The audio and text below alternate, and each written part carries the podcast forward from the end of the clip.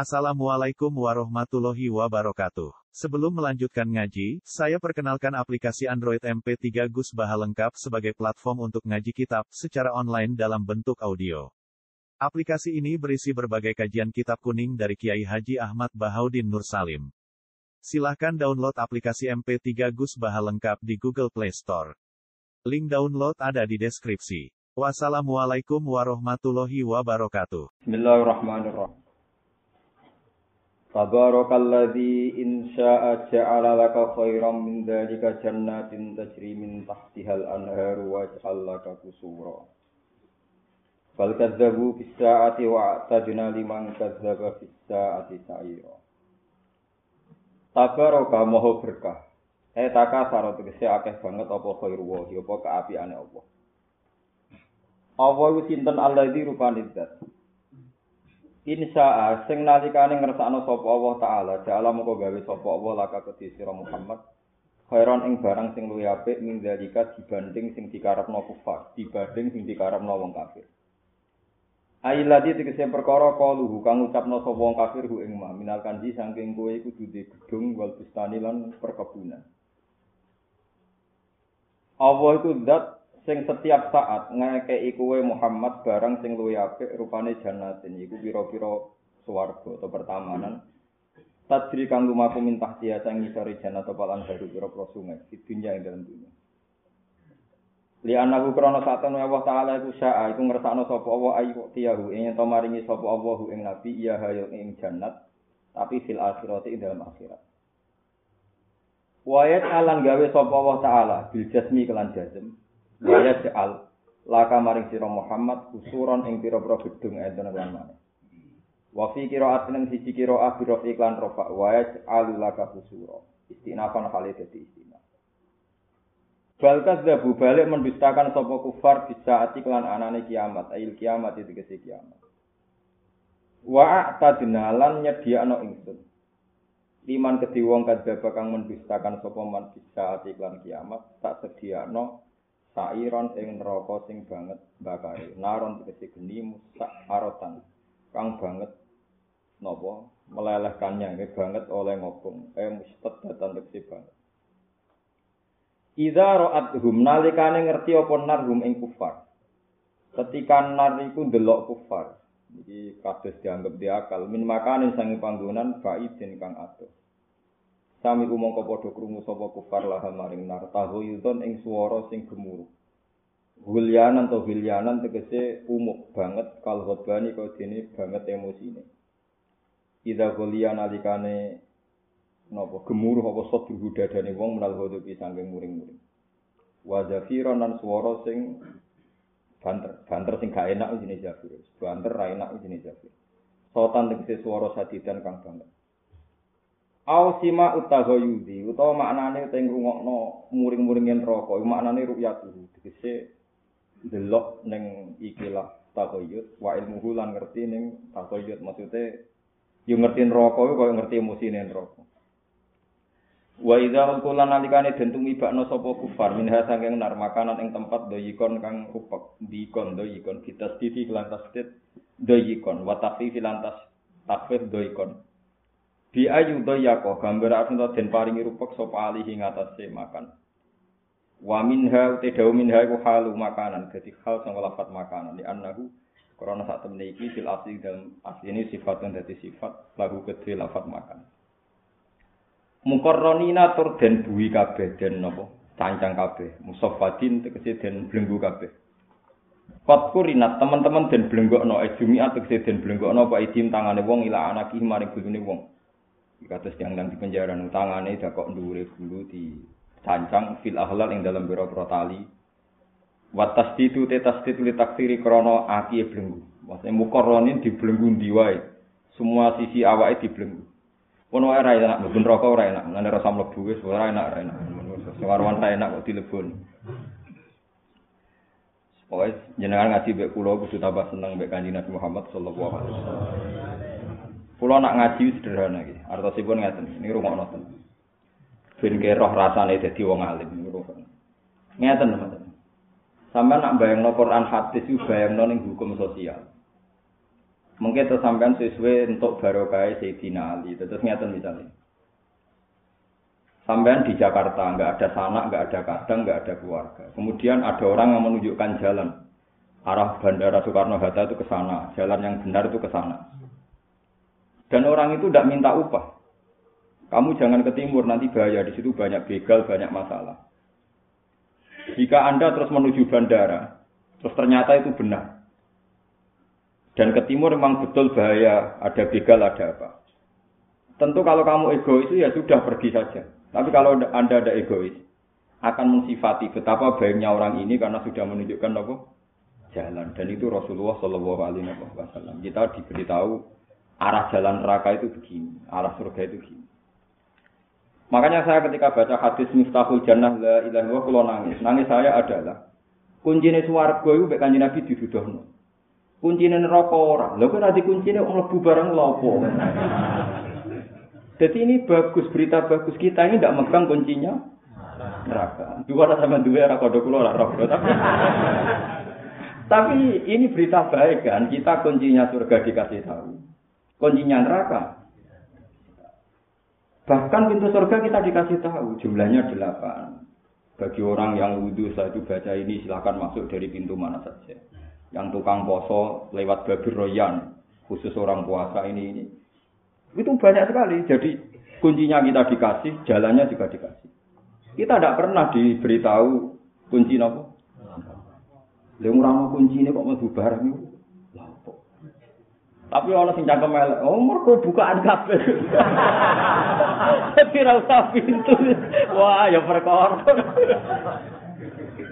Oh, kok pesimis. Jadi ora Oh, itu bukaan, on time bukaan, tapi rasa nopo pintu, rasa kunci. Lain ya sama dia ya rasa kunci, mereka rasa apa? Pintu. Wah, nabi ya sudah ludus. Tapi paling tidak kan cara nembu rokok itu kita rano cara nih kan, karena gak diberitahu kanjeng nabi. Tapi cara nembu swargo dikasih tahu. Gampang. Nabi nak cara nembu swargo itu gampang. Sama nak dudono hadis soka itu gampang banget. Rohima anfun, summa rohima anfun, summa rohima anfun. Oh dasar irung elek wong Arab pun ada sing dinyak kok irung. Wong si teloko, wong sinten ya Rasulullah, orang yang menemukan salah satu bapak ibunya atau keduanya. Kemudian orang itu tidak masuk nopo swarga. Jadi aneh. Dia tonggo yatim nembu swarga ya aneh. Di bapak ibu atau salah siji orang bu swarga. Aneh. Karena ini kesempatan tiket kita ke surga. Nyabari judisi ibu, ambil salah paham wong tua itu swarga. Jadi gampang untuk masuk swarga. Masalah yatim gitu Nabi ana wa kafirul yatim kahate ini firjan. Saya dan yang rumah kafir anak yatim kahate ini napa? Jadi sekian cara Oh nak raiso kabeh turu. Ini cara terakhir. Ini hati sokan. Nak raiso kabeh dari Imam Ghazali sebenarnya ibadah zaman akhir itu paling apik itu Ketika Nabi ditanya, kalau saya tidak bisa berbuat baik, tuh ini dal hajatil malhuf. Pokoknya wong sing butuh tulung tulung kue. Nak buatin sakit kalau dia melarat. Terakhir Nabi Dawuh taku fusar ka'anin nas. Fa inna hasodakotun minka ala nafsi. Sementing dia nyalai wong. Jadi mau Ghazali, orang nyalai wong dia turun. Melek ngerasani. Komentar. Turun. Mana kalau nanti cerita bolak-balik, ana wali tukang tahajud, tukang ibadah, bareng takok mengeran Gusti kula swargane mbek sapa jebule ditudono wong tukang turu. Karena nek turune iku diniati ben berbuat macam-macam turu. Tapi akhirnya yang ninggal kewajiban, waya anak bojone butuh nafkah kok ya perkara. Tapi Sofyan Asauri ngendikan, nak ana polisi kok turu. Riyen polisi ku wis nakal niki cerita riyen. Saiki ya rontok Ya ana sing akal sing ora mulai riyen macam-macam. Saroti nak terjemahane polisi syurta. Nak ana polisi turu dolim, kok mbok gugah, iku sing gugah kena haram. Mergo nak melek mari polahe akeh. iku dari sebenarnya suri itu tadi iku nak ana syurta, syurta, syurta iku polisi askar, askar Arab. Iku nakal-nakal iku nak turu mbok gugah, iku ora oleh perkarane. Gara-gara sebenarnya mangkel dibantah turune wong alim ibadah. Terus ana ulama sing luwih nakal. Wah, turune wong dolim yang ibadah. Tapi kok ibadah? Ya dene ra dolim bedak turu iku. Mane ben turu wae. Lah ibadah kan loro kan? nglakoni perintah ninggal lelek. Lah wong dolim ninggal lelek pendak. Mulane kena ngrasa dolim penibadah ya turu wae. Perkarane dengan turu enggak berbuat dolim. Mulane akeh wong turu niku ketemu nabi, kesaran ibadah paling hebat nopo? Turu. Mulane turu dikondungo. Allah bismika wa tu jambi wa bismika nopo arfa kondungo. Sampeyan apa donga turu? Kesunatane turu napa mau? Wudu. Pirang nggih? Terus miring wong mati. Pirang nggih? Go turu nu sakral. Terus donga. Nah donga sing paling sempurna gini. Allahumma rabbas samawati sab'i wa rabbal arsyil azim rabbuna wa rabbu kulli. Syafalikal habi wa nawa munazilat tawrati wal injili wal qur'an. A'udzu bika min syarri nafsi wa min syarri kulli dabatin anta akhudun bi nasiyatiha. Ya apal lo apal, nak apal ya. Antal awalu falesa qablaka syai' wa antal akhiru falesa ba'daka syai' wa antal dhahiru falesa dunaka syai' wa antal ba'dinu falesa fawqaka syai'. Terus ibdi anaden wa akhrina minal faqr. Terus mau ayat kursi. Itu nak sekali mati, mati syahid. Saya dulu itu sebelum usul, sebelum usul ya janggal. Kenapa Nabi sering ngendikan resep nawang turu? Terus kalau mati itu mati syahid. Orang yang mau tidur baca ayat kursi mati syahid. Baca muawidatan mati syahid. Dulu saya itu janggal. Sekarang saya percaya. Karena satu-satunya pencegahan kriminal kita adalah saat kita tidur. Sing darani apa? Sing darani apa? Mesti loro. Ngelakoni perintah ninggal maksiat. Ini ninggal maksiat itu paling efektif. Loh. Ayo ke melek ada ngerasani wong. Ora mbok rasani wong liwat elek wong elek. Jadi nara mripate ya atine. Terus bojo mliwat elek, masya wong di bojo ngene. Lha melek iku repot. Rawong ayu syahwat ya dosa, rawong elek ngenyek. Selama ini kiai kiai kan dari wong ayu dari wedi syahwat, tuh wong elek ya ora kalah dosa, ngenyek wong rongos ya dosa. Berarti rawong ayu wong elek dosane akeh ndi? Bapak cara kula, nak wong ayu dosane syahwat, nak wong elek dosane ngenyek. Kenal wong sugih toma, kenal wong melarat ninja. Paham? Rawan. Jadi melek itu maksiat ya. Nah, mulane turu ibadah. Sekali ke bener turu, nak mati mati nopo. Syahid. Kalau saat ini bener. Kenapa Nabi itu kalau turu ngipi wahyu. Ulama nak ngipi ketemu Nabi man ro'ani fil manam fakat ro'ani. Kau turu efektif tenan. Ya tirune turu kan gak ngono mangan wareg, glegeken turu. Iku gak islamik plus. Gak iso turu golek mie ayam ben wareg nak marek. Iso turu. Wah, itu semarkai nanti. Saya itu kalau sholat sama mau tidur itu doa saya masih panjang kalau mau tidur. Karena tanggap turu persiapan mati. Jadi kalau nanti apal dungo turu sing model pun kalau apa? Saya itu paham gitu. Terus ini ben sampean ngerti. Terus zaman akhir itu sok ben Dewi Imam Ghazali ana walawal zaman turuwe termasuk ibadah. Kekhina layak manu jalis jalisahu. Ketiap wong jagungan itu mesti ana dosane. Dosa itu macam-macam. Paling populer yang ngerasani.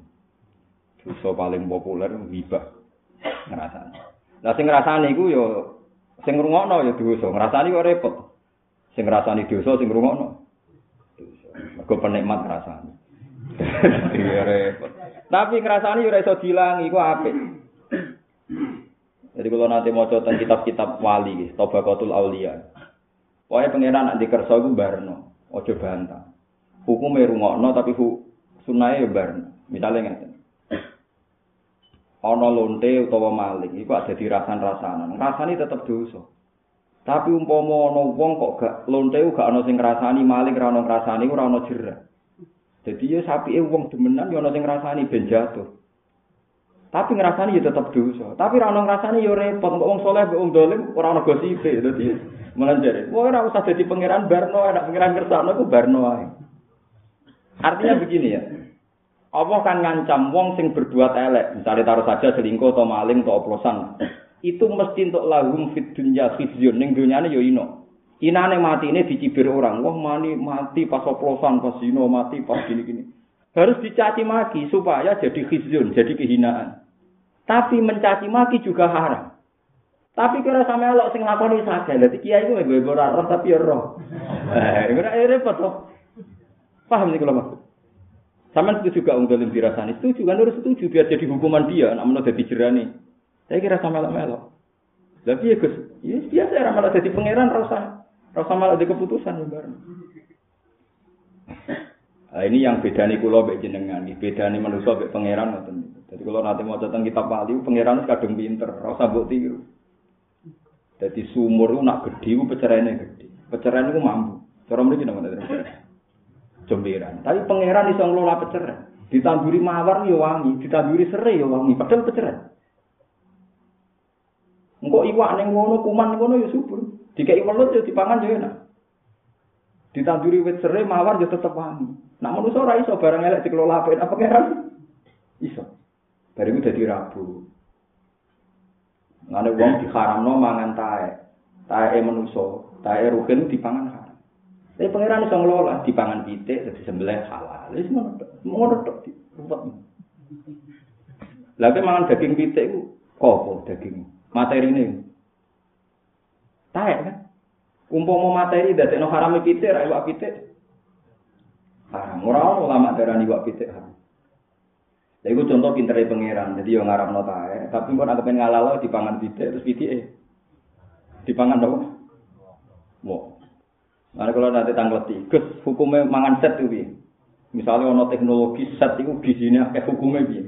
Yo haram. Ya supaya halal bi. Ya makan oleh terus makan gue. Iku wis padha wae mangan set.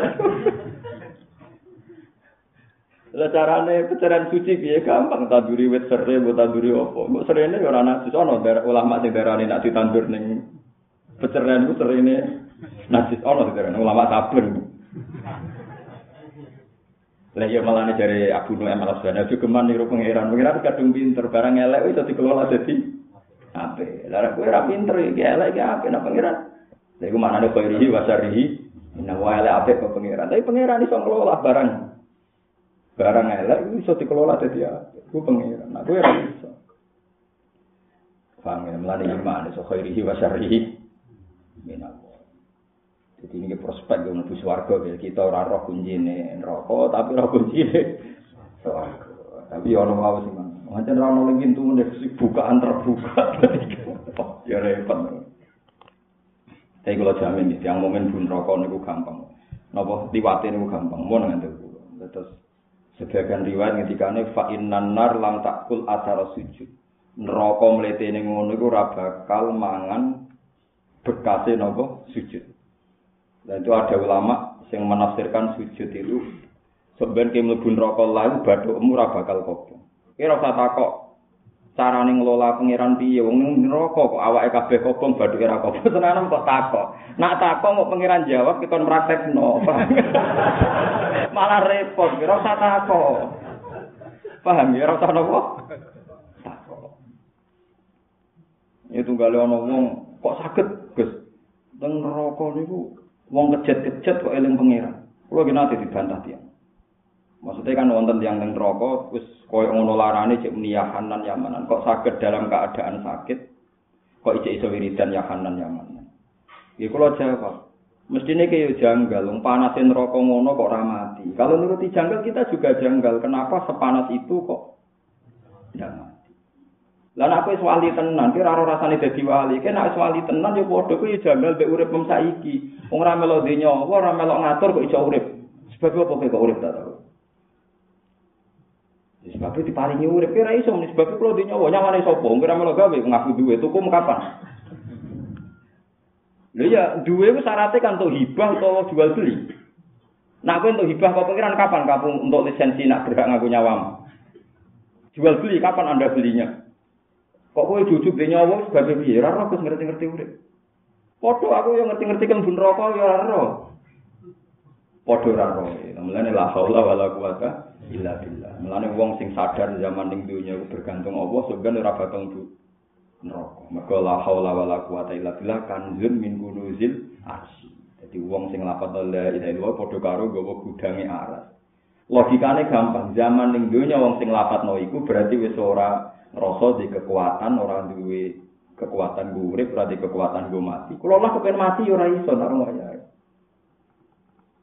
Omongan wong goblok kok coba tiru. Wah, nek bar mangan turu ku gampang. Nah gampang ayo turu saiki. Detik ini juga iso. Ora iso. Lho gampang gak kalau ngangkat HP ya gampang, angkat aduno. Nak turu ini gampang bicara. Ah ben turu saya ini. Jenenge gampang kan setiap saat bisa nopo dilakukan. Nah, ternyata manusia ya iso. Ya iku wong alim, jadi wong alim wong paling sadar dari awal la haula wala quwata nopo illa billah. Ane sampean nak wiridan sing tenanan. Aja jumlah tok sing akeh. Lah nak la haula wala quwata illa billah kanjeng min kundil arsi berarti gak manggon neraka mosok gedungnya aras manggon apa neraka berarti ini poin lagi betapa gampangnya masuk swarga kuncine wis duwe gudange wis duwe penak pun dadi ana kon menak malaikat malik Hei, mlebu neraka, delok kuncimu. Niki kunci swarga, udah bisa saya ada. Oh, iki ora usah kunci kan. Wah, ya repot. Wah, iki ora usah apa? Kunci. Iki bun rokok kan tak warai. Malaikat malik kula boten beton apa? Kuncine. Dadi boten sakit kula bun rokok. Kula namung beto kunci swarga. Di malaikat malik wis pinter iki ora usah kunci.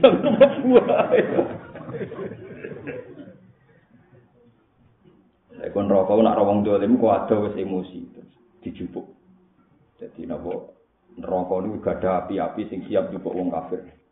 Napa istilah? Intoliku ila dilling di salati syu'ab. La dalili wala yuhni minal lahab. Innaha tarmi bi syararin kal qasar ka annahu jimalatun sufar. Dadi malaikat iku apa neraka iku duwe pijaran-pijaran api sing saking emosine lepas sangka iduke dadi wus munggah wus munggah. Lha iku sampeyan golek wong kafir. Alhamdulillah barokah kalimat tauhid kita ora termasuk wong sing diburu napa? Neraka alhamdulillah lah ora duwe napa kun tapi masalahnya mesti liwat. Lah liwat tak sampean liwat siratal mustaqim, lha apa liwat barang umat Nabi sing mboten nate dukun. Sing ra nganti khayal niku sampeyan swargane miber, dadi gak usah ngliwati napa. Jadi ada 70 ribu umat Nabi, waduh 70 ribu ini saat ini pun. Sidik. Dari sekian miliar umat Nabi itu kan ada tuh sapuna alfan min umati yadkhuluna al-jannah biwiri napa. Bisa. Niku ngliwati neraka kalbartil khotib dan Nabi koyok kilat. Nah, niku hum layak tahun sing ora tau pokoke kuncine sing ora tau dukun. Yo ora tau tatoyur, tatoyur misalnya keceblokan napa jenenge? Cicak. Wah, berarti apa ana musibah. Oh, iku neraka, ora oleh tatoyur. Wes pokoke nek keceblokan cicak, oh, gak lincah cicak. oh, cicak setruk ceblok dhewe. Oh, tadi aku lagi balik bar ngaji malah dijajal pangeran keceblokan cicak. Ya kadang ya kula nggih manusa kadang ngopo bener maning Jawa Tapi sesuk bojoku sering tak omong oh dicara hati-hati. Nanti ceblok berarti mboten apa? Paham ya, mulai saya ingin anak tidak ceblok, anggap aja tidak betul apa? Hati-hati, kalau tidak lorot setruk, jadi spontan. Mereka sekali tato jero, bakal membus warga biwiri apa? Bisa. sampai lunga lunga ae nara sido mergo ora dhuwit malah aja kok perkara ora cicak ceblok terus ora sido napa lah pangeran duwe seneng nek apa sido lunga kok gak dhuwit malah gampang malah apa tapi nek mergo ana cicak ceblok hum layak tawun wala yatatayyarun wa ala rabbihim yatawakkal niku tiang-tiang sing bus warga biru Dan ketika ulama, muga-muga pitung pulau ewu niku buatan adat permanen, tapi saking banyaknya jumlah itu. Jadi kemungkinan kita masuk itu tinggi sekali, sangat-sangat tinggi. Zaman akhir mun belum ngaji, mun kondang. Karena jenis warga ini kurang penduduk, terus ini peluang kita masuk. Kelirune warga mau sitok ya kalau.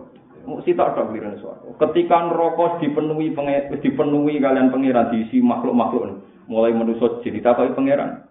Yau manaku lu jahannam halim talati. He neraka kowe cek nggon. Fataku hal mimbasit. Ditambahi nggih puru. Lah swarga nu anggere wis rada cukup netakoki pangeran pun Gusti ya iku sing perkara iku sing Cara swarga kena dinego niku. Neraka wis wong akeh lah nek takoki pangeran iku cek tambah. Swarga lagi sithik lah semuni. Cukup. Piye swarga kok ngono karepku kan tak. Karepku diwalik kan lho maksudnya. Neraka nek ditakoki muni apa? Cukup nek swarga muni. Kurang, tapi ra iso tedire semua. Ya, tapi nak ngomong mukmin insyaallah itu di pengiran proposalnya nopo itu. Tapi jelas nak nasi pangeran ya manaku di jahannam halim talakti wa taqulu hal.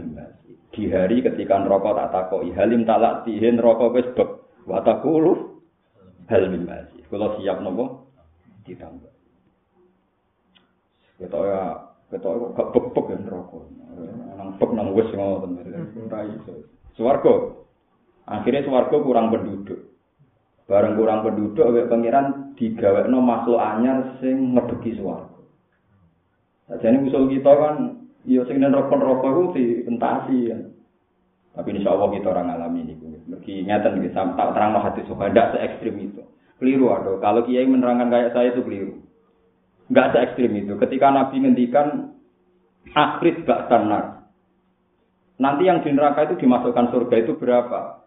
mingkuli alfin wahidun. Pokoknya setiap seribu orang itu satu yang menjadi ahli jannah. Jadi satu banding nopo seribu. Ketika sahabat pesimis, kalau gitu kita kita ini berat ya Rasulullah masuk suarga. Terus Nabi ngendikan, kamu jangan bilang demikian. Allah di makhluk sing liyane kuwe yaiku yakjud wa makjud, bekecil macam-macam. Jadi satu banding seribu itu tidak hanya kita dan manusia, tapi ngelebono yakjud. Padahal jumlahnya miliaran ya. Jadi kue itu sebenarnya berebut swarga itu saingannya ya jid makjud. Sing ora bakal soleh. Jadi enteng kan saingan wong-wong. Jadi bagus lah. Jadi masa depan kita masih bagus lah masih. Jadi makanya ini penting ngaji ulama. Jadi nggak se ekstrim itu, tidak satu banding seribu mau musuh manusia, musuh manusia itu repot karena mereka potensi soleh kan. Ternyata persaingan kita benar nopo. Ya jud maksud azazil azazil itu orang kiai Jawa kecil bahasa Arabnya nopo azazil. Jadi wadin min warati saran tim azazil itu napa bekecil. Padahal ya jut makjud itu miliaran. Di potong budi sana kira roh pokoknya miliaran jumlah ya jut. Hatta ila futihat ya juju wa hum min kulli hadabi. Paham itu terus gampang lah insya Allah suaraku ini gampang. Mas mantep mawon, so yakin iftahul jannah napa La ilaha illallah. Mangkola la ilaha illallah mukhlisan fiha qalbu dakhalal dakhalal. Wa idza ulqu minha makanan dhayyiqan muqarranina da'u hunalika subura. Da'u moko bengok-bengok sapa ahlun nar hunalika ing dalem kono-kono panggonan suburon kelawan donga sing ndadekno kerusakan itu halakan dadi donga dik niku ngalami kerusakan. Fayu kalu moko den ucapno lahum ketiku para pengene latat yo. Latat ojo Mana jenengan anut kula mawon iki. Kula nu percaya Kanjeng Nabi. Kanjeng Nabi ora bakal bodho. Senajan to dawuhe kadang ora masuk akal. Pokoke iman mawon. Lah neraka panase ngono, dadi ini teng hadis sahih. Saya pastikan hadis ini sahih. Neraka panase ngono, Nabi ku cerita betapa panase neraka. Ternyata Nabi ngendikane gampang. Fattakun nar walau bisik kita merotin. Wa illa fa bi kalimatin thayyibah. Wis neraka ku gampang. Lawanan mbek sedekah senajan to sak separone kur. Jadi itu Nabi ngendikan pas nyeritaan neraka. Fatta benar, walau bisik kita merotin. Jadi ternyata rokok yang liar kono itu mudah dilawan dengan saudara. Perkara ini orang salah jalur. Mun rumono nih, kalau nu mikir suwingi masalah ini. Kalau anak lagi Saya misalnya tukang sulap, di rumah itu orang tukang sulap. Aku itu gawe boto, ya rumah orang tenan ini, gawe boto. Jobong boto panas banget nih. Ngerti sama jobong boto? Panas. Kira-kira rugen cemplung nopo mateng. Mateng. Enggak itu mana tenan boten guyu. Kemudian rugen nggak bisa bayangkan, nah aku kecemplung ning jobong botol mesti mati. Dan dia bayang no dikasih air banyak pun tidak mati. Saking gede ini jobong botol di kamane disiram banyu sak tong rontong tidak nopo mati. Kue goblok lah berpikir ngono jadi si finalin. Kuncinya masuk ndak ini kan karena kita di jalur itu apa ndak? Misalnya jogong foto karena diusir, mungkin nggak jogong foto berapa meter persegi? Gak misalnya misalnya, konten 10 meter persegi, bener? Empat ya. Betul jauh misalnya 5 meter persegi. 5 meter persegi. Kita potensi kecemplung itu satu karena di jalur itu. Sekali tidak di jalur itu kan tidak ada ketakutan itu. Nah, Orang yang sodako, sing salut perintah pangeran itu sudah ada di jalur situ. Jadi dia tidak perlu khawatir kecemplung, tidak di jalur situ. Kuatir kecemplung kan dia di jalur itu, sekali gak di jalur itu. Jadi ojo oleh mikir mosok kurma separuh iso mateni neraka goblok ya mikir ngono ya mungkin kurma separuh mateni. Wong nak wis seneng sedekah, artinya sing jalure pangeran berarti gak di jalur kejatuhan mau paham. Paham sih kalau maksud. Jadi saat saya kalau pikir suwi maknane Nabi, neraka lawanan mbek sujud, kowe sujud ning api ya tetep panas, tapi kowe sekali sujud artinya gak di jalur itu, gak di lintasan itu. Jadi kena wedi kecemplung ning jogong ya aja parek-parek kono, kok malah jagongan ning kono.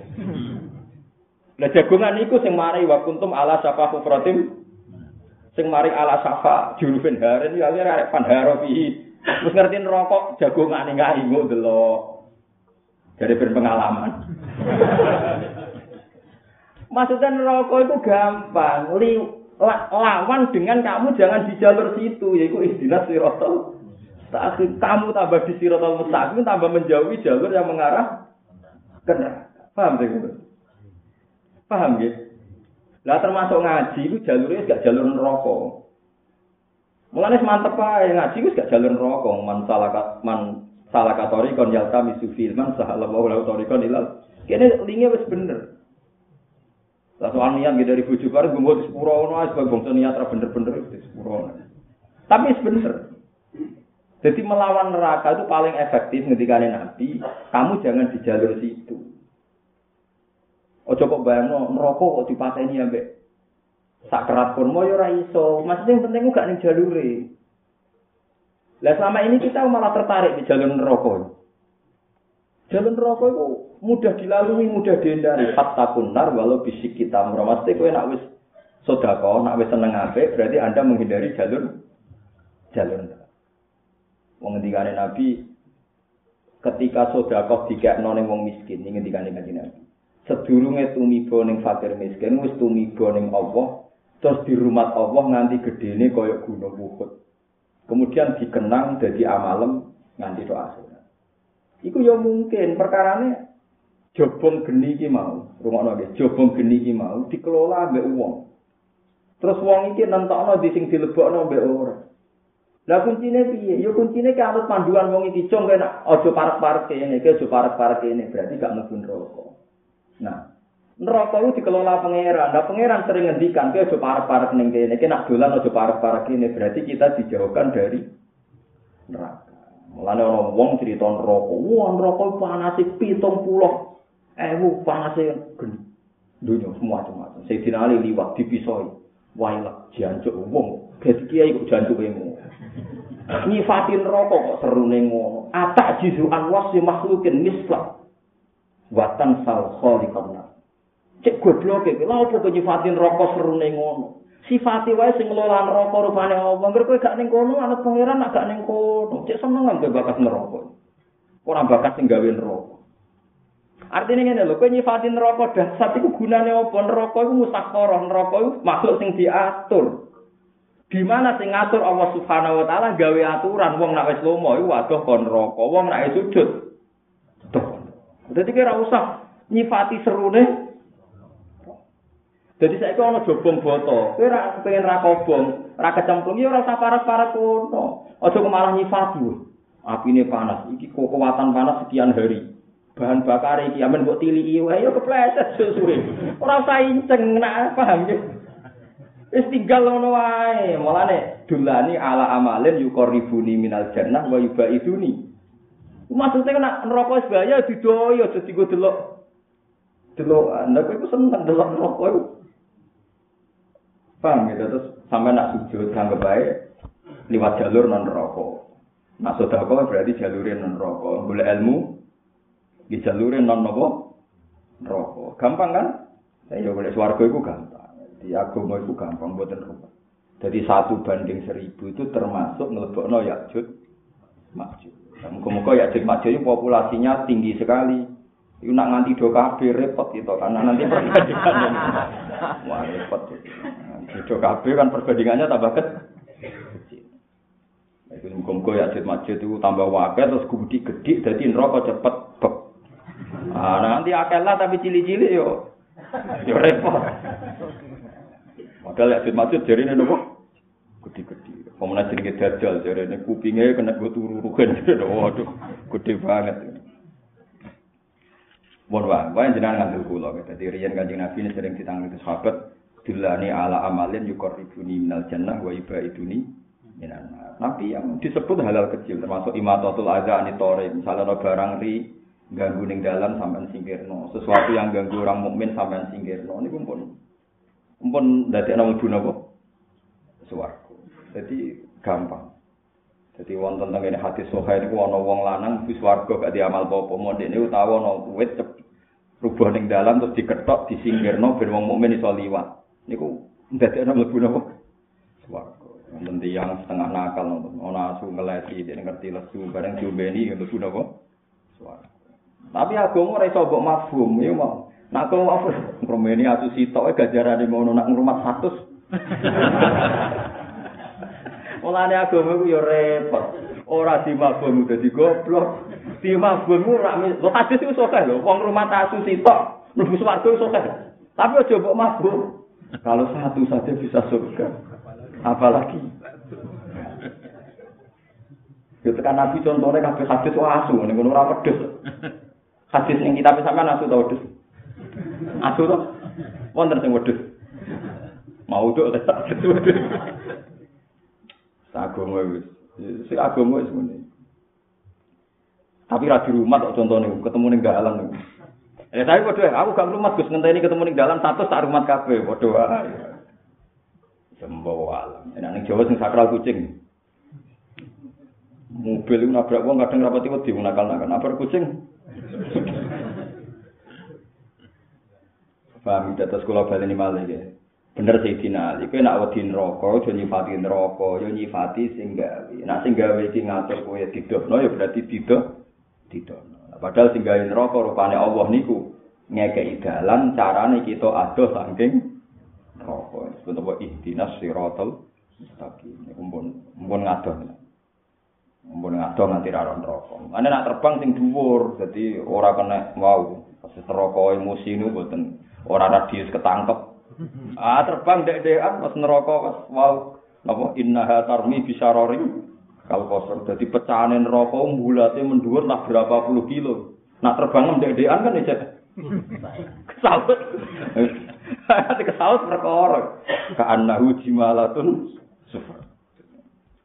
Jadi yo terbang sing radius aman. Ya kok pesawat lah 3 30 kilo lah. Berarti 3000 napa? 30.000 napa? Kaki. Men aman niku insyaallah men. Da'au hunalika tubura la tatul yauma. La tatu aja bengok-bengok sira al yauma ing dalem iki dina tubura niku lan bengokan wahidan kang siji. Wat ulan bengok-bengok sira kabeh suburon kang kelawan bengkokan kasiron kang akeh. Ka azabikum kaya dene siksa sira kabeh. Kula terus cerita neraka dengan boten pati wedi. Dados ngeten nggih. Kula niku ngertos ngaji. Niki kuwi iki Dawe Sayyidina Ali saaki-aki ayat fatakun nar iku jae akeh ayat fatakuni ya ulil albab. Kena panjang duwe akal wedi wae pangeran. ya wedi neraka iku disebut Quran tapi jarang. Sing sering disebut wedi pangeran. Mergo pangeran sing ngelola neraka. Artinya kalau pangeran ngersakno kuwe ora ning jalur neraka berarti adoh banget sangka neraka. Mbok wedeni ku lha apa? Neraka iku makhluk. Ketika gak diinstruksikno pangeran mangan kuwe ya ora doyan kuwe padahal Allah wis ngekeki jalur iki jalur neraka iki dan rokok itu mudah dihindari tadi. Ittaqun nar walau bisik kitamroh. Sebagian riwayat la tahkiron najaratun tijarati ya walau firsana satin. Pokoknya sementing itu sodako, terus sujud, terus ngelafat la ilaha illallah, la haula wa la quwata illa billah. Jadi, kena anut sing dipandu pangeran, berarti tambah anut, tambah ngedui jalur nopo? Jalur nopo? Tapi nak sampean ranut, ya mau ya, takut kalau mau minkum. Jadi gampang. Lah niku wonten seorang cucune Nabi, putrine Ja'far Shadiq, jenenge Aisyah, Aisyah As-Siddiqah, putrine Ja'far Shadiq. Niku nak ndonga ngancam pangeran nganti ngaten, saking senengi, saking iman. Ya Allah, jika saya nanti masuk neraka, maka kalimat la ilaha illallah tak eret-eret ing neraka. Terus malaikat-malaikat tak maki-maki. Iki lho ana kalimat sakral ngene kok dilebokno neraka. Piye tanggung jawab? Jadi nanti gamane iku neraka apa ditantang. Kowe neraka ya gaweane Allah, aku ya gaweane Allah. Kowe wani ngobong kalimat la ilaha. Mesti rawani neraka. Mulane ngendikane Nabi, neraka ora wani ngobong asar sujud. Lah rawani ora usah mareki aja jajal sih. Lho kowe misale tinju mbek tisen rawani mila jajal apa menghindar? Lah iya nak neraka rawani ora usah ngobong kowe langsung menghindar. Wong rawani kok jajal. Lah kula muga-muga neraka ora wani, aja kok jajal barang. Lan neraka kandhane iki nek rawani la ilaha ora usah jajal mlebokno ahli la ilaha illallah. Kula baleni malih ya. Neraka ora wani la ilaha illallah, berarti ora usah jajal. Nak jajal berarti rodok wani. Kalimat iki serapan terus diobong ning neraka. Normalnya tiang-tiang sing betul Quran, hamalatil Quran. Iku riyen mau nate cerita teng mriki. Surat Tabarok niku surat sing yoga wong sanga disiksa kubur. Suatu saat surat Tabarok diapal wong dolim. Dolim fasik tapi apal Tabarok lanyah. Lanyah tenang. Nganti mati ku apa? Barang apa diduduki mungkar nakir sesuai prosedur mergo nakal surat Tabarok gak terima. Bantah-bantah. Walhasil wong iya tetap dibandemi mbek mungkar nakir. Jare Ki Jawa digodo. Ora tau roh kok muni godo, ora ya ora. Mbok godo, mbok pecut ning roh. Sopo? Tapi ora ono sing muni pedang, kabeh muni goto, becet. Mbok kok pilihane boten apa? Wah, iki Jawa ora rawan tapi penak enak ngomong wis. Gua aku dhewe kadang ya bagian dari kiai, kadang ya ora sanate tapi sanut ngono ora ora. Modho ora ro. Enggak tak sama tau krungu gak nak nuduh ini nganggo pedang boten. Enggak, jadi nganggo apa? Goto. Ora ro. Dari malaikat Israfil itu gak ada pecut. Bledek ku pecute malaikat. Ya mbok ora. Mbok ora tertarik pedang malaikat.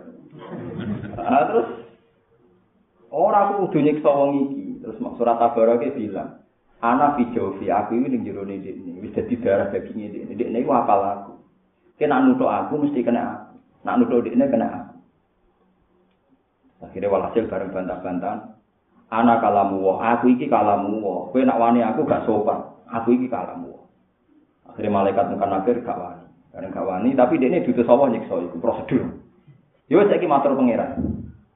Bareng matur pangeran, malaikat Mekah disalah. Kowe iku malaikat kok goblok. Wong karuan ana surat tabarok kok siksa. Tapi tiang niki nakal. Tiang niki nakal, tiang niki tuh. Ya tapi masalahnya gue kalamku, rupane apa surat. Surat Tabarok matur pengiran. Gusti jika orang ini tetap engkau siksa lewat malaikat mungkar nakir niki saya hapuskan mingkala mika. Aku raja di kalamu kau bukan pada yang gampang dari Jawa. Jadi akhirnya terus surat Tabarok dikatakan surat wakiyah surat munjia surat yang menyelamatkan orang dari siksa kubur tapi syaratnya apal nganti mati masalahnya nak jatah disiksa gini ngono ya lali masalah perkara ini kan itu Jadi wong ngapal Quran ora bakal mlebu neraka, tapi nek jatahe mlebu lah lape mati. Lali. Jeng ben dites pengira. Barang dites sebat but ora bar kemaran karmen. Padahal zaman itu sing mane lanyah.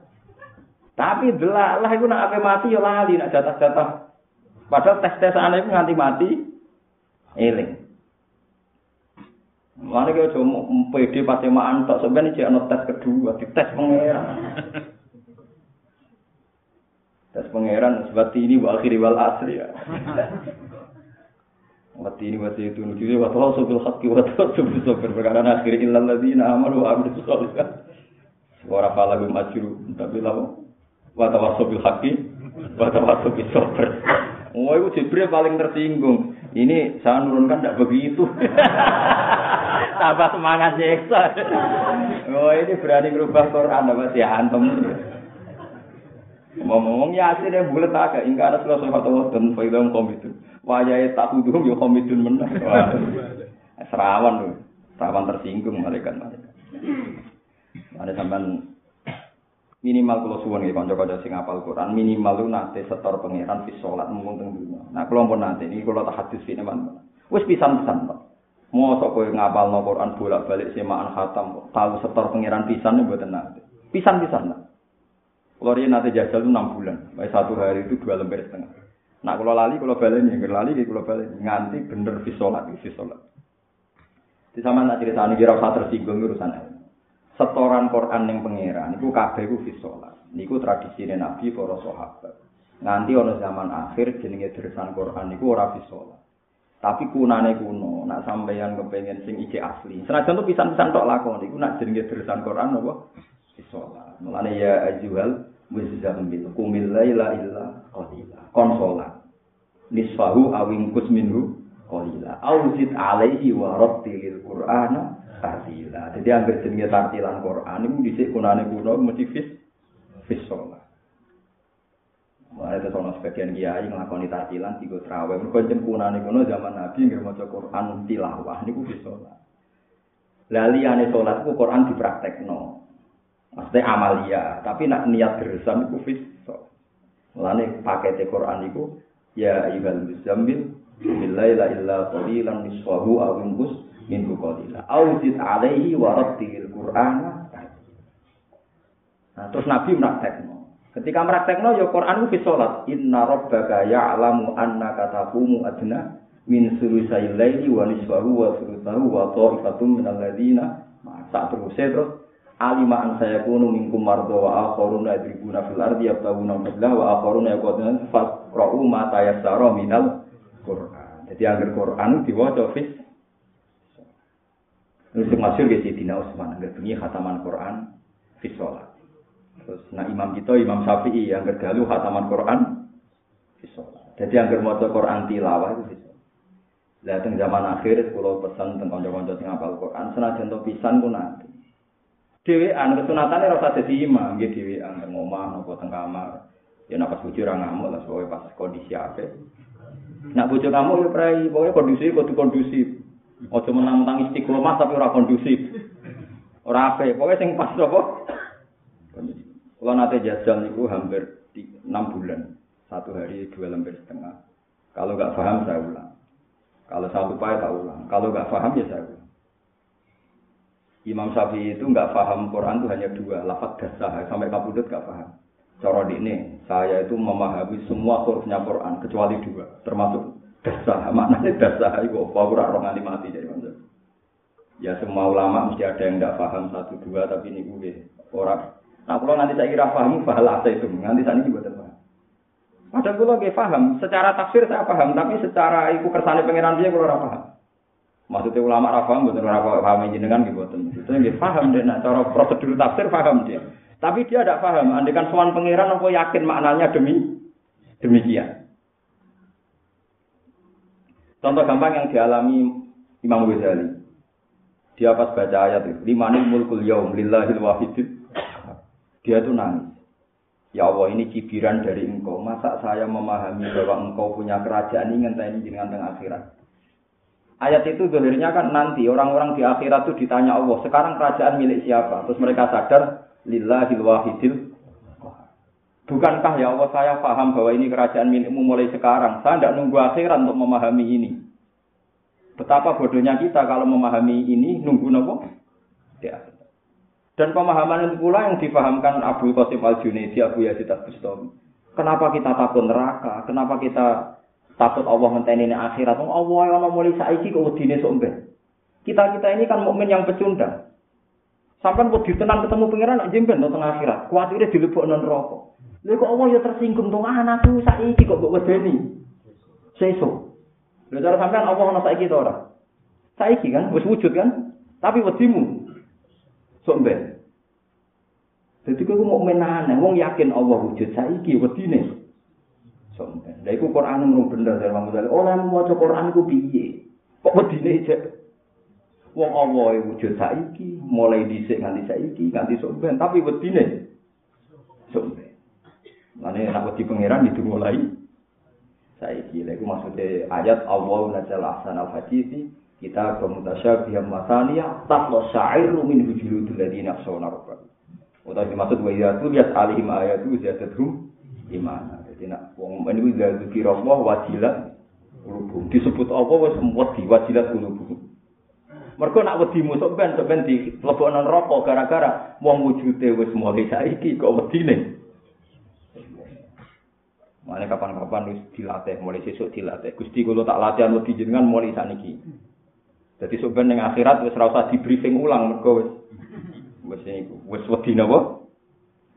Paham gitu terus maknane wedi neraka niku ngeduwi dalane ora kok malah jajal kepengin neraka. Iku anggere sampean sekali gak ning nitiasan neraka nggih pun pun ada saking neraka. Berarti mun yuqarribuni minal jannah wa yubaiduni minan nar. Mulane dungane Kanjeng Nabi nang Sayyidah Aisyah kan kula nyuwun ngamal sing marepno swarga ngedono saking neraka. Wow, dubika kula nyuwun bawreksa saking semua ngamal sing menjauhkan dari surga, mendekatkan ke neraka. Bon kula nang. La tas ulyawma subura wahida wa subura katira. Kul ngucap sira Muhammad azalika. Ana to te mungkon-mungkon kabeh ilmu guru tikse barang kang disebut minal waidi sange ancaman. Wa sifatin nari lan sifatin neraka khairun duwe api. Am jannatul khuldi utawa swarga abadi alati kamu ida kang den janjeni sapa al muttaquna pira-pira sing takwa. Ai wida tegese den janjeni ha ing aljannah sapa al muttaquna pira-pira sing takwa. Dadi wong takwa bakal dijanjeni mesti mlebu swarga. Kanat ana apa jannah lahum gede wong sing takwa fi ilmihi ta'ala ing dalem ta'ala iku jazaan dadi piwales tawaban tegese dadi piwales wa masiron lan dadi nggon bali marjian tegese nggon bali. Lah wong takwa nggih kelas-kelasan iki. Wong Islam mesti takwa, sangka sirik. Tapi orang mesti takwa sama dosa. Kalau baleni paling. Semua ulama ijma wong Islam mesti takwa. Tapi nembe wedi saking sirik, tapi kadang buatan wedi saking maksi. Maksi. Tapi masalahnya saja agak ada kelompok sing nganggep wong Islam kuwi jek sirik. Lha iku innalillahi wa inna ilaihi raji'un. Mbon sampean anut kula mawon. Anut umume ulama. Ora mungkin jenengan di penyakit sirik ora mungkin. Mun sampean masih sering ning kuburan lah, senengake lah ora mungkin di penyakit sirik. Logikane gampang, e paling wong senengake wong nganggur, wis kuwi biasa. Logikane itu udah masuk akal. Kulo mun bolak-balik fatwa. Wong kafir pitung puluh tahun, mbah wolong puluh tahun, terus jadi Islam mergo nglafat nopo? La ilaha illallah. Masa dengan kalimat yang sama kita menjadi mus Mosok gara-gara ning kuburan, gara-gara nyepi, gara-gara nglakoni ruwatan. La ilaha illallah terus jadi sirik. Bagaimana mungkin satu kalimat yang kafir puluhan tahun itu jadi mukmin, saya ke orang mukmin yang sama menjadi sirik dengan kalimat yang sama hanya karena salah tempat. Misalnya ini kuburan. Lu soal kira setuju ziarah kubur, monggo itu hak masing-masing, orang setuju ziarah, orang. Tapi saya pastikan kalau sampai salah itu sampai sirik itu ndak. Karena kita min ahli la ilah Lewung kafir tengek wae nang lafat la ilaha dadi mukmin. Saiki mukmin di kalimat la ilaha illallah darani. Terus kafire kok ndi? Sebabnya kafir itu lho. Lah paling banter ya darani bid'ah utawa nganggur utawa apa lah terserah pokoke sing sing ringan-ringan to pokoke sing ora ya pokoke sing ringan-ringan. Ya banyak nganggur tenan. Sale pegawai negeri senen-senen ya bakal loro kuburan. Tapi yang kuburan itu semacam-macam. Lana arang-arang ibadah. Tapi kan tentang ziarah kubur berlebihan itu ya salah. Kue kudu seneng ziarah, tapi aja berlebihan. Pokoknya bangsa berlebihan mesti elek. Kecuali untuk bati malah apa itu hitungannya jelas. kan mereka jadi jelas aturannya. Ngeten nih kalau sudah tentang hadis sokai. Kalau saya kebetulan istiqomah baca sokai muslim tiap hari. Selain dulu pernah saya hafalkan juga saya mulang. Jadi ingat betul. Kajim Nabi nu pas sepuh-sepuh niku sering diutus Allah. Sama nak ngaji teng baki, nak badhe teng baki ra wonten babu Jibril. Napa babu napa? Jibril. Itu dulu tempat jagungane Kanjeng Nabi mek malaikat napa? Jibril. Mah batu Jibril. Kalau masuk baki itu kan ada pintu napa? Itu Nabi datang, malaikat Jibril datang di rumahnya Nabi. Ini hadis sofa datang Muslim. Kata Jibril, ya Muhammad, kamu diperintahkan Allah antak dia ahlal baki wa tusallima alaihi.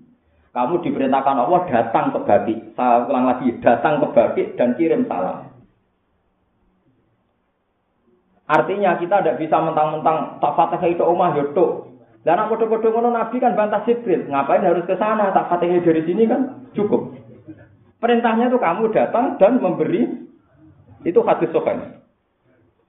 Jika kamu tidak bisa ngelah guruku ora usah tak rawuhi kok waduh tak Fatihah teko alumni elek sekali-kali yo teko. Tahun pisan tarung tahun pisan. Tapi aku lagi mati ra seneng jenengan tekani. Niku khusus nak kula khusus. Jangan jangan ngono. Khusus kula misal jenengan mati ora seneng ditilik rugen Wong pun yakin, idol yakin, jadi rasa ziarah ibu aman, aman. Tapi nggak bisa kamu ngelak Fatihah atau Umar dong. Bukti ini Nabi diutus teko tengguti, rawat tengguti. Waktu salimali. Karena Jibril itu jagungannya di kamarnya Nabi, walhasil Nabi itu keluar. Keluar Aisyah. Ini cerita mas, macam orang wong wedok itu yo, yo kacau yo. Aisyah pikirannya itu cemburu. Biasanya Nabi itu nenggone selontongan dalamnya itu sholat kok iki hilang. Fahamalat lil hiro. Aku itu cemburu koyo hiro bisa. Akhirnya Nabi dibuntuti Aisyah. Mulanya cemburu ya penting. Kok barang elek terus jadi nabi. Barang di cemburone Aisyah, khawatirnya Nabi malam jatai Aisyah. Tegene Zainab, nopo tegene Maimunah, kok Aisyah cemburu.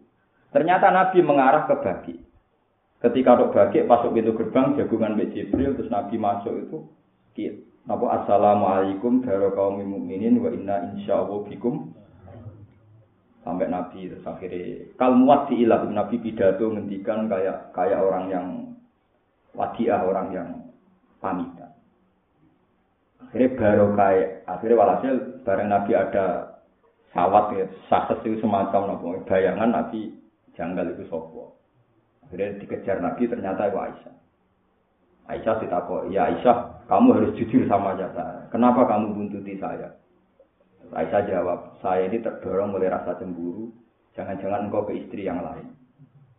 Dari Nabi, masa kamu ngira Allah dan Rasul itu yakif, maksud yakif, masa aku suloyo. Ya ada ngira cuma cemburu mau. Nah, tapi baru kayak Aisyah cemburu itu riwayat Nabi ngelafat mau apa itu sangka Sayyidah Aisyah. Kode ini kerungu Nabi ngendikan Assalamualaikum daro kaum mukminin wa inna insyaallah bikum. Makanya orang Wahabi pun tidak mengkiri itu karena memang itu hadis sahih di Muslim. Lah yang tidak ada hadisnya pas kuburan boleh ake.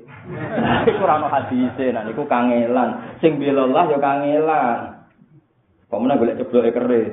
Lah iku sing bela kangelan. Kalau sekedar ziarah kubur boleh ada dalil aja gampang. Dan boleh ake. Lalu boleh ake ning pasar.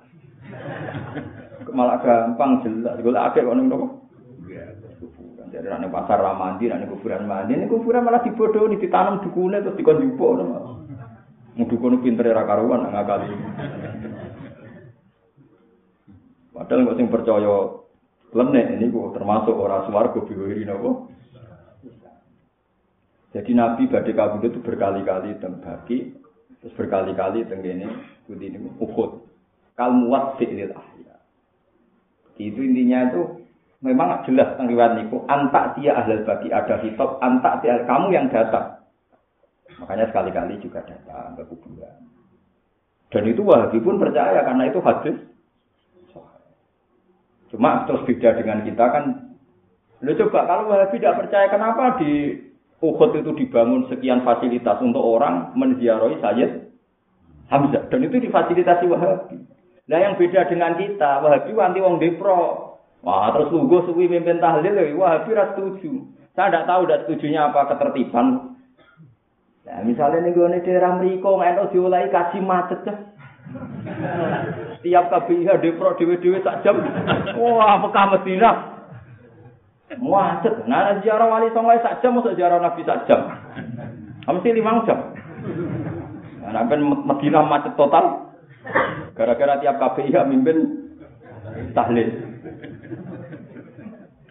Orang nak malaikat tersinggung. Misalnya Nabi itu dengan Allah maghfir lahu afi dari malaikat. Iku jelas di sepuro malah betul nggak nolenya uang. Ya wong kok nguyai segoro. Saya Hamzah iku mlebu swarga binasil Quran, binasil sunnah. Musai itu syuhada. Mbok dongakno kowe sing ra jelas swargane. Lah iku nek saya Hamzah kok tersinggung. Oh menyek wong aku dongakno. Malah masalah kan. Kowe dongakno saya Hamzah iku sopan nang lama. Lha nek kecuali kowe wong alim nak donga diakali kula kena ate dongakno saya Hamzah tak akali. Lho Gus, dadi nanti kok dongakno. Lah aku donga ngene tok. Allahumma ali darajatihi wa itali nang barakati Gusti derajate hai sampe dhuwurno. Mungkin susuke kena kula. Jadi aku ora ndongakno di sepuro, tapi sepuro ngenyek wong karo mati saat itu di.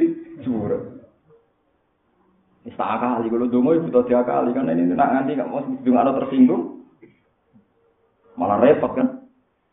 Jadi paham ya terus Ngendikane Nabi kuntu nahaitukum an ziyaratil kubur ala fazuruha fa innaha tudzakkirukumul akhirah. Aku dhisik tau nglarang ziarah kubur, tapi kaya saiki ziarah ben eling akhirat. Tapi nak keseringan eling bati, paham ge lah iku susul roh bedane eling akhirat mbek eling napa?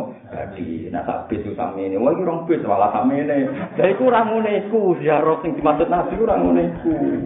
Ziarah iku sunat ngelekno kalau dari ulama, ulama itu jujur ngeten iki ora kepentingan, soalnya ngomong. Tapi kowe ngarang mubadi ya ora oleh yo mergawe anak bojo. Yo sok nentang ngono iku. Ya ora oleh.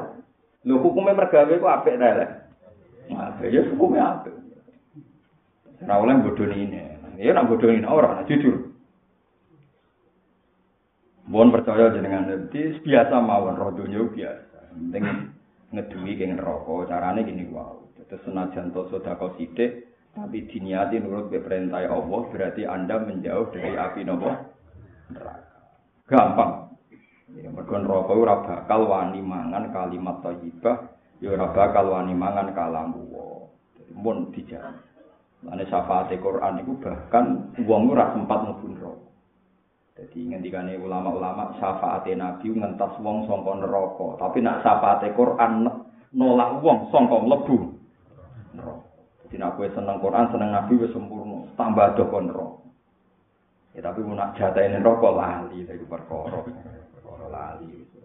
Nanti kalau suwun, mbuh pisano, kalau suwun kanca-kanca sing hafal Quran, mbuh pisano, iku tau khataman pas sholat. Mergo iku sing kuwarit ning Quran jenenge tilawah iku. Jadi kumil laila illa qalila niswahu aw inqus min qalila aw zid alaihi wa rattilil qur'ana tartila. Jadi Quran wajib diwaca tartil iku fis salat mergo setor mbek pengen. Nah, ora paham bali. Nah, ora paham bali. Nah, misalnya sama nus yakin gak paham, ya coba ini agak hatam-hatam. Lah nek ulama kan ora paham siji loro, lah nek ulama ora paham kabeh, Lah ora paham kabeh niati tilawah. Nah, kan Nabi di bulan bulan ini masyur kan Nabi kerma ayat ini di bulan ini sing apa? Intu azibhum fa innahum ibadu wa in taghfir lahum fa innaka antal azizul hakim. Bulan. Nah, Sayyidah Aisyah yang di bulan ini ayat ini nah, Abu Bakar kulon gak ada data beberapa ayat sing ketika Nabi khataman diulang-ulang. Nah, Nabi jadi waktu intu azibhum fa innahum ibadu. Nah, Sayyidina Utsman apa? Jadi ada beberapa sanad ayat-ayat yang diulang-ulang. Terus Nabi itu paling tidak kuat ya kalau baca ayat niku. Fakai faida ji'na min kulli ummatin bi syahidu wa ji'na bika ala haula'i napa? Syahid. Nah, Bapak Riyin kalau anggere makmum sholat subuh sama saya mesti maca ayat surat bersama idatil buris. Kalau Riyin ya tidak paham ya, pokoknya saya makmum beliau. Tapi akhir-akhir ini Nggih santri kula kathah nganti saniki sing pun alumni nggih nak jamaah pas waras akan maca sama itu itu. Tapi nak do kesusu ya akan maca kulhu ngoten mawon ya terus. Ternyata setelah saya besar tahu sirinya adalah riyen wong iman itu disiksa. Jadi ashabil burus itu tiang mukmin disiksa tiang-tiang sing duwe jobong botok. Do rokok-rokokan, ngopi-ngopi terus wong mukmin dicemplungno. Nah dicemplungno diguyu-guyu. Buat sama idatil wal yaumil mau'ud wa syahidin Kutila ashabul ukhdud. Ukhdud niku kubangan api. Cara mriki ada jobong boto ngoten niku. Terus dibonyek sama mukmin. Nak wonge dicemplungno, sing nyemplungno guyu-guyu. Seneng. Kutila ashabul ukhdud. An-nari dzatil waqt. Genine mulat-mulat itu alihha qu'ud. Sing nyiksa iku nggo ngakak-ngakak. Wahum ala ma yaqaluna bil mu'minina wujud. Nyekso nak ora roh matine kejet-kejet ora lega, gak kurang ajar. Dadi dekne yo ora kudu roh kejet-kejet. La wa ma naqum minhum illa yu'minu billahi al-azizil. Iku iki jeneng kula dawuh Bapak. Saiki kowe iman, apal Quran dikai dhuwit. Kowe ngalim ana wong ngekeki dhuwit. Dhisik iku wong ngalim disiksa. Wong iman disiksa. Mulane kiai saiki kecangkeman wae elek-elek kiai Dulu kita iman itu disiksa, dulu kita ngalim disiksa, dulu kita benar Kowe saiki gak kowe jajal ngalim istiqomah jamaah. Wiridan dadi mursyid nara duwe makan. Kita sekarang kesalahan kita ini diuangkan. Yo ora elek nek elek ora minimal tahu diri kan dulu kita sholat itu disekso. Saya kena sholat jadi duit. Itu sirine kenapa saya menghindari tamu saya dapati banyak ketemu jenengan karena sak goblok-gobloke kula cek kepengin ikhlas. Sak kliru-lirune kula cek kepengin bener. Karena kita sekarang tuh itu tadi. Ki Hamid Pasuruan sing tope ngoten nate nangis. Sowan gurune. Kula niku soleh-soleh kula piyambak tak sangu mati. alim gak alim jambak tak gue sanggup mati saat ini tiang nggak pulau niku koyok pengira terus duit pulau kata jadi guru nih salam dewi met guru kamu jadi intinya orang-orang itu jangan kira paham itu seneng ya enggak nah, saya ini kiai sing untuk duit akhir udah tidur innalillah wa inna ilaihi itu jadi ini kita harus evaluasi bukan bu ndak haram ndak ndak haram pun nah duit gue enak buatan buatan haram tak jamin Tapi tahu diri orang-orang dulu itu iman disiksa, soleh disiksa. Saya kira soleh. Boleh wayuannya gampang, terkenal soleh. Nah, itu sing kita ngisi para ulama. Rian sahabat sing sepuh-sepuh, sing menangi futuhat, termasuk Abdurrahman bin Auf. Kulo agak dari wayate. Abdurrahman bin Auf itu donyane kena nggo mangan wong sak Madinah saking sugih. Niku diwakafno ning Nabi hampir semua, cuma Nabi tidak kersa. Pas Nabi pun kabundut, intakola ila. Sebenarnya saya itu paling keberatan bahasa orang Nabi kabundut. Tapi teng Indonesia belum belum bahasanya wafat. Padahal zaman Nabi Sugeng niku ketika beliau diambil Tuhan, bahasa ulamanya apa intakola ila rofiqil ala. Tapi bahasa ini tidak populer. Sebenarnya bahasa resminya ahli hadis itu Nabi itu intakola ila rofiqil ala. Karena Nabi terakhir kabundut itu Kenapa ya angel sedih orang Indonesia ngendikan Allahumma ar-rafiqal ala nama Allahumma ar-rafiqal ala.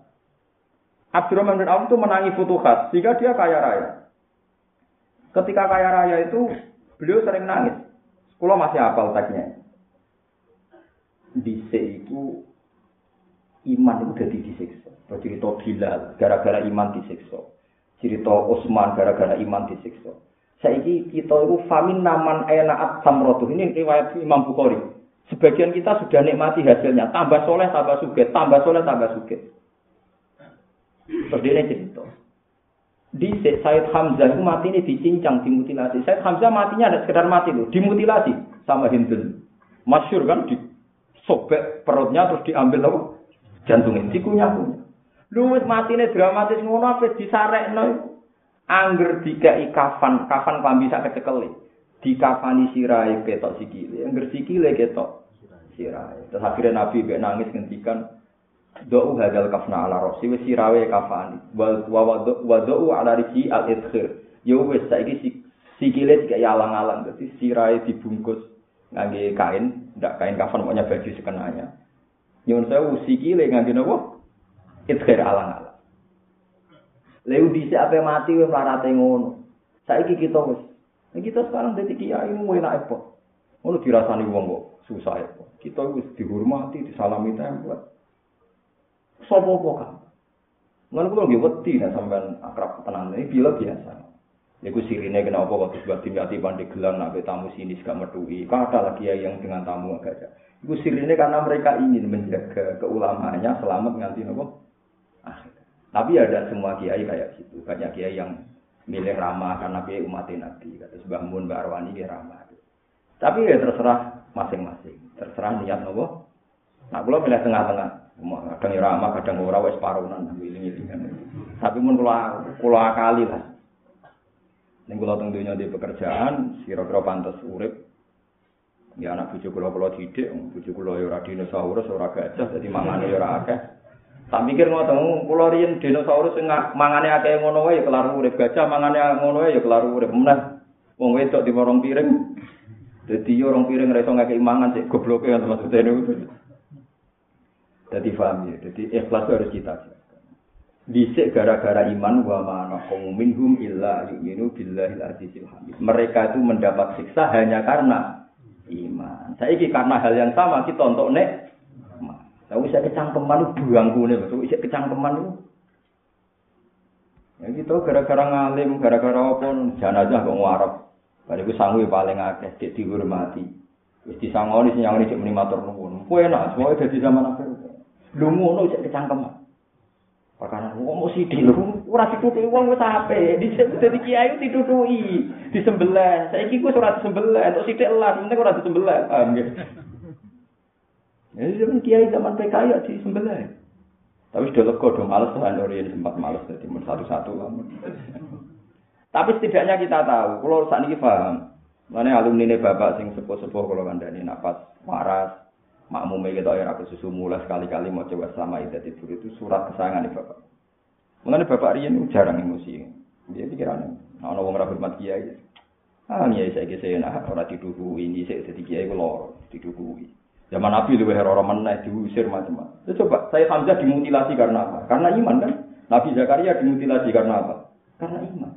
Hal yang sama kita karena soleh, kita terkenal soleh saya Ayo Rukin saya ayo diangkat, digosipno jadi wali, nak terus marate berakhir.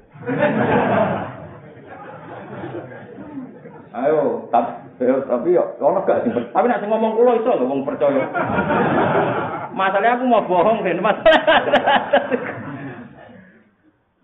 Oh, tapi tak promo saya nonton. Oh, berakhir itu melaratnya berakhir. Uang kecelok wali zaman akhir melaratnya berakhir oh berlanjut. Berakhir. Lagi sing kita butuh Joko ikhlas. Kue gedeng ya orang yang hasut. Kue setuju ya goblok, itu biasa ya orang. Iku, pokoknya gue iling-ilingan, riyen iku iwong iman ngalami. Wa ma anakum minhum illa minhu billahi al-azizil Mana pangeran nak ngenyek wong zaman akhir am hasibtum antat khulul jannah. Walam ma ya'lamillahu alladziina jahadu minkum wa ya'lamas. Sebagian ayat luwih ekstrem meneh. Kowe kok nyongko mlebu swarga. Walam ma ya'tikum masalul ladziina qalu min qablikum matsahumul ba'sa'u wad-dharra'u wa zulzilu hatta yaqula ar-rasul wal ma'hu mata. Kowe kok nyongko mlebu swarga piye? Kowe urung tau ngalami kok sing dialami nabi-nabi dhisik lan kaume. Nabi-nabi di sini kaum saking nemen entuk madorot, saking nemen entuk siksa, nganti nabi wes takok mata nasruwa. Gusti, kalau mau nabi ini jenengan rapot tulung-tulung, saking kelene, saking terdesak. Lah kita ora tau ngalami gitu kan? Soleh setahun, wes sakit dalai setahun, sing bebo soleh setahun, nak rasuke gak judangan. Pemerintah nak terus, ono wong sing gosip no donga mandi, wah langsung melejit. Pemerintah wae pilkada, melejit meneh. Wae pilek, melejit. Wong kula mbek dukun anak buah kula sing riyen ngaji kula wis sugih mbek kula mergo dukun. Mati disuwani Pak SBY, suwani milek-milek.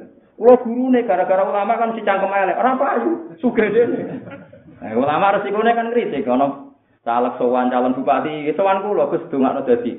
Ya nak cara pengiran muga kemaslahat ya dadi nak boten kersane boten dadi. Resiko ulama kan kudu cangkem elek. Akhirnya kan sing nyala minta males kan. Lah anak sing rodok dukun ana nggih kula jamin, mungkin kula wacana nopo.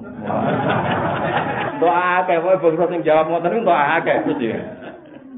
Lagi ini ulama ngomong ngono gak mungkin kan? Ngomongnya nganggo etikane ulama nggih, maslahat cara syariat nggih muga-muga hati nak mboten ada orang. Ora menarik kan omongan itu kan. menarik. Enggak enggak bisa diuangkan itu kan enggak menarik. Kalau sering juga dengan apa? Jinan nak alim itu, kalau jinan langit di bumi, tapi nak suke suke kulo. Gara-gara dia untuk nobim, wuh suke. Mak wiridan kadang disebut tengah ini, penghotel Jakarta. Ngerwaya pilpres wiridannya nih ini. Gak terima musola. hingga hingga kini masih diyakini mustajab. Mau kapan jatuh aku curah? Jadi itu pengeran, jadi boy wiling-wilingan nak kita zaman iman dhisik untuk sekso. Kita untuk ngene iki wis alhamdulillah. Sira-sira pengiai ra ditutuki, ora disembelih wis pira-pira dhisik dimutilasi Syekh Hamzah niku. Dimutilasi. Mergo iman jenenge kutila ashabul ukhdud an-nari dzatil waqud. Idzu ma'alaiha. Wana is kejet-kejet diguyu-guyu. Lah mulane sok ben swarga iku ya ana dendam. Wajib pangeran anak-anak dendam ning swarga yo napa? Sehingga wong-wong sing mati ning ngene iki sampeyan gentenan kon delok wong-wong pasti siksa neraka. Wa idza marru bihim yataqawmazun wa idza qalabu ila ahlihim qalabu fakihi wa idza ra'awhum qalu inna haula'i wa ma usilu alaihim hafidin. Fal yawmal ladzina amanu minal kufari yathakun. Alal aro iki yang dulu. Jadi pangeran itu yo pinter tenan. Jadi sebenarnya wong sisi sisi songo itu diparingi hak dendam. Dikai permadani ning dhuwure neraka. Dijamin selamat ra kecemplung. Paham nggih? Baru diberi catat. Kaya kaca pengaman piye ora roh dhisik. Tapi dikai hak guyu-guyu wong sing dhisik nyiksa. Jadi fal yawmal ladzina amanu minal kufari yathakun. Jadi kita tenang aja, sing tau ngenyek kowe guyu kowe melarat. Kowe dikai hak ngenyek dekne pas ning swarga, tapi nek ape mlebu ora ya ora. Jadi sapa pangeran toleransi dendam? Sok ben wong sing mati ini disiksa iku nopo? dendam. Iku fal yawmal ladzina amanu minal kufari yathakun. Alal araiki yang durun. Aro iku permadani, yang durun ningali. Pokoknya diatur begitu safety lah, pokoknya aman. Wes gak bakal ke kecemplung ning neraka, kowe tak hak guyu wong-wong kafir sing saiki kejet-kejet ning neraka. Kaya mereka mentertawakan Anda saat kowe kejet-kejet ning. Jadi juga jalur ke surga. Jadi nak kepengen diobong, kok jalure swarga ora usah ngono. Lah umat Nabi bu swarga ora usah ngenteni diobong musuh. Mok mangkola la ilaha illallah daqolal. Ya. Nah, penak, mun dadi mati Nabi ku penak. Ane kalau nak bakas neraka wiling kaji Nabi, betapa mudahnya kita untuk menghindari neraka. Fattakunar walau bisikin Bukan nilai nak tamrohnya, tapi nilai sanut pengiran berarti Anda menjauhi dari jalur Melani dulani ala amalin yukorribuni minal jannah wa yubaiduni minan. Jazaan kan lahum fi ilmi ta'ala jazaan dadi piwala sawaban wa masiran lan bali marjian tekse kon lahum fiha ma yasyauna lahum tetep. Kanat ana apa swarga lahum kedhe wong apik-apik wong mutakin fi ilmi ta'ala jajan dadi piwala sawaban wa masiran nggon bali marjan sing kon lahum tetep kedhe wong akeh yang dalam jannah mau te apa waya kang ngersano sapa ahli jannah ing mak sepen apa keturutan khalidina hale langgeng kabeh halun nazimatun hal sing tetep kana ana apa swarga kana ana e wa'duhum mazkira kana ana apa wa'duhum den janjine ahli jannah mak perkara dikira ala rabbi kang atas ing ngira wa'dan iku janji matulang kan iso dipertanggungjawabno. Mana kan kena dituntut ya pangeran api anten. Kemudian ini pangeran wes iku janji aku kena mbok tuntut nek ora nuruti. Mane bener Aisyah wa Siddiqah. Gusti nak nganti kula mlebu neraka kula labrak neraka malaikat malik sajenengan ngosok wong kalimat la ilaha illallah mlebu neraka. Sing ngene labrak ya sapa. Lan nek neraka iku aja aja nganti sing kejet-kejet dadi iso labrak malaikat bareng. Ana kejet-kejet kan gak sempat to. Lapar. Pokoknya jangan rokok medium tinggi lah, sing dengan itu sing. Sini jadi so ngelabrak barang tadi. Ala robi kawak dan janji masulan kang den iso ditakok no mesti dimintai bertanggung jawaban. Janji Allah ini kias aluhu. Takok uto jaluk hu ing hadal waktu sopaman wong wida kang den janji sopaman bihi kelan hadal wakti. Robbana wa atina ma wa atana awu rasulika. Robana do pengiran kita wa atina kula aturi maringi panjenengan kita mak perkara wa kang janji panjenengan kita ala rasul ing atas ibro utusan panjenengan. Atas alu utawa jalukna hu ing waat lahum kedua ngake sapa malaikat malaikat rupane malaikat ndonga kanggo ngapik-apik Robana wa adkhilhum jannati adinin lati wa attahum wa man salaha min abaihim satrus. Jadi intinya kita iku enak. Terus niki sebagai nopo?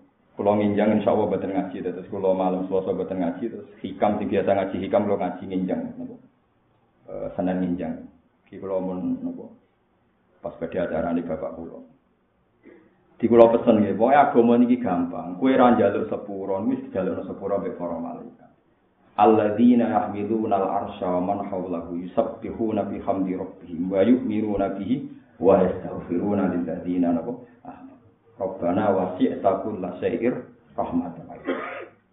Jadi kita niku wis enak. Malaikat ning langit bumi rina wengi njalukno sepuro wong sing iman. Mulane sing penting iman kita ini kita jaga. Angger iman mbok jaga iku dengan sendiri niku ora niat donga wae malaikat donga. Ini niku malaikat ning langit bumi donga wong sing iman. Mergo kita iman wis aneh, mulane kula mboten pati seneng nek wong mukmin sering donga ora pati seneng. Sing penting ngaji. Dengan ngaji ku imanem tambah. Nah imanem tambah malaikat langit. Mergo malaikat ku roh imanem ku wong aneh. Wong ora roh pangeran langsung kok iman. Ora roh swarga neraka langsung kok iman. Mane masyhur teng hadis sahih. Malaikat dinyek lah pangeran. Kowe iman kene apa? Wajar kowe roh aku roh swarga. Tapi nak wong-wong iku gak roh swarga. Kok iman? Jadi iman kita mbek malaikat nih. Hebat kita wong ora roh kok iman. Mulane malaikat akhirnya kebebanan kon ndongakno wong sing iman padahal gak roh. Sing ora malaikat papan bawah, alladzina yahmiluna al-arsya wa man khalahu malaikat hamalatul apa? Malaikat papan atas. Dungo ben kita di sepuro dosane. Di sepuro. Rabbana wasi'ta kulla syai'in rahmatan ilman faghfir lil ladzina tabu fattabu sabila kawaqihim adzabal Jadi kita didongakno. Sebagian dongane waqihi musayyiat. Jenengan jogo tiang-tiang saking mlebu neraka. Wa man taqis sayyiat yauma idzin faqat niku nak sekedar iman. Ketambahan jenengan ngalim wis ora istighfar wis ora apa-apa. Sak donya jalukno sepuro. Wa innal alima la yastaghfiru lahu man fis samawati wa man fil ardi hatta khitan fil bahr. Wong alim sak langit sak bumi kabeh dongakno wong alim sebut di sepuro pangeran nganti iwak-iwak ning Tapi tidak ada alim barang repot toh nek malah tambah repot. Repot kan yo. Rekor mungkin wis lemes ono syarat alim tidak ada repot. Lalu kau juga niru wong alim, Gus Pak istighfar. Yo tiru aku semantep jalukno sepuro. Wong sak langit bumi khatal khitan. Jadi ingatan ini ceritanya, tapi sampai rasa Tapi ini cerita hadis sokai. Suatu saat ada halakoh di masjid. Yang satu bakat halal haram. Wah, ini ki haram, ini ki halal, ini ki carane tawaf sing bener. Ini ki carane tawaf sing salah, pokoknya bakas ilmu. Yang satu neng masjid itu itikaf mendungo, ya Allah, kalau paling ingatan, ya Allah paling ingatan. Ketika Nabi masuk masjid, Nabi dengar semuanya yang ini ya takallamu nafil halal wal haram, yang satu ya tuh nampo. Tapi aja tiru aja lebok nanti, ini kita mau cerita. Senengannya kok tersinggung, kok caci Nabi ngomentari, kulon ala khairin. Semuanya itu baik. Mergo iktikaf kemungkinan loro sing sitok ndonga sing sitok bagas nopo ilmu tapi amma haula fayat unabuha ta'ala insya ajabahum wa illal. Mana mereka itu hanya berdoa ya tepat-tepatan nak Allah ya kerja nyembadani nak ora ya ora tapi wa amma haula fayu alimuna nas al khairah mereka itu orang-orang yang mendiskusikan kebaikan halal haram Wa inna ma itu ma'aliman aku tugasku jadi nabi yo mulang halal haram. Akhirnya nabi bergabung sing mulang. Mulai nak wong alim tenan iki nyuwun sewu ya rada ati jarang dan perkara ini wis bingung. Paham ya? Jadi kan jangan aku, senane kok anut wong alim. Maksudnya nak kula rapati wiridan aja nurut, senane kok. Gus Pak ora tau wiridan cangkem, aku ora tau wiridan alim pangeran terus. Senane kok anut sing gampang. Paham ya? Jadi Nabi akhirnya gabung. Lalu gua merasa tenan. Kalau ngerasa non kasus toa. Ka'bah itu kotak segi empat, sepakat ya. Ka'bah itu segi empat. Terus Hajar Aswad itu sanggup cara memiliki sisi nopo. Cara nyontok Jawa paling gampang apa ya? Sisi wetan lor apa lain gitu. Gak cara wong perasaan yang Jawa. Wetan gitu loh lor. Gitu wetan. Dia mau ora mau nang kono bingung. Tapi wetan sepakat ya? Tenang tau ora?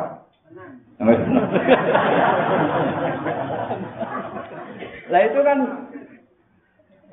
ada orang yang lebih dramatis, tapi apa rasa. Sing dingin-dingin saja malah nopo Barakai ilmu be ora ilmu. Begini kan syarat sahnya tawaf menurut semua ulama nih. Dari Hajar Aswad itu kan jailan al an yasari. Jadi posisi Ka'bah harus di sisi kiri kita. Paham ya? Jadi kamarnya Ka'bah harus di sisi kiri. Di sisi kiri kita. Jadi muter dan posisi Ka'bah benar-benar di kiri kita. Kata Fatul Mu'in juga kata Yana Tolibin yang dikarang Said Bakar Sato. Seorang Said Alim. Ini butuhnya wonten sing urip teng Sedan begini.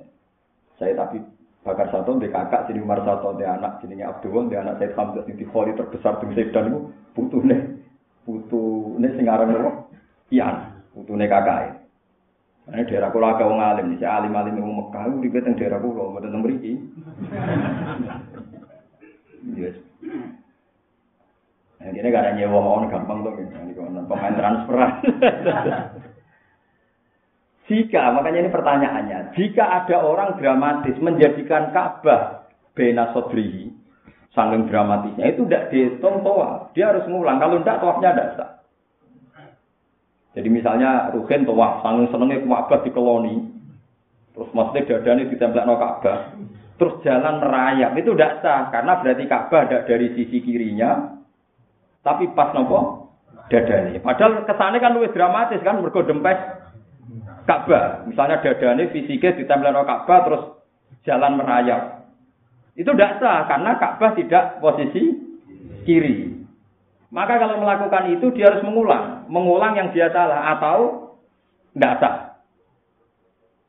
Mulane tawaf apa sing gak dramatis. Lah kadang wong awam sange dramatis seneng. Napa? Nempel dodo teng napa? Ka'bah. Sebenarnya ndak harus jailan al beta an yasari. Jadi kita jadikan Ka'bah tetap sisi kiri kita. Lha iku baru kayak ilmu lah. Zaman Nabi itu didiskusikan apa didiskusikan. Lah ilmu itu cek ditompo ra ditompo tetep Allah seneng mergo Kanjeng Nabi tukang mulang halal haram. Tujuannya Quran diturun no, ya al farik benal halal wal haram. Nanti kalau nu jarang. Tapi kalau nak kasih akad memiliki gitu, ngiling ngilingan itu nggak itu penting. Tapi ya justru ngiling ngilingan, yang penting ngomong halal. Itu sampai sebenarnya halal haram didominasi tiang-tiang liberal, tiang yang ada halal, ada haram, tapi di tasaru ala bohil. Tapi kita tidak memang ngomong sering. Jadi kalau suwon tenan, jadi bakas ilmu penting. Lah anak wong alim bakas ilmu tenanan, terus ikhlas. Wa innal alima la yastaghfiru lahu man fis samawati wa man fil ardi hatta. Wong nak ngalim tenan ikhlas, iku sak dunya langit bumi ndongakno nganti iwak-iwak ning Nah, ini rasa niru wong alim sing jarang istighfar, itu istighfar dhewe. Senane kok niru Jadi tapi ini giling-gilingan. Ya karena tadi kadang hukum niku buatan masuk akal mestinya cara teori kan sing dempes no dadane ini Ka'bah luwih sah mergo dramatis. Tapi ternyata sing sah niku sing jailan al beta napa? Aniasa. Iki sing muter. Paham ya kula suwun kok wong alim ngomong terus sing ana sanate tok Rasulillah ngeduin rokok itu cukup sedekah senajan to sithik, cukup sujud. Bukan karena ini melawan neraka, tapi setelah Anda mengikuti jalur itu, berarti jalur ini menjauh dari neraka. Berarti Anda harus melakukan ini, korribuni minat jannah, wa yuba iduni nabo minat. Pun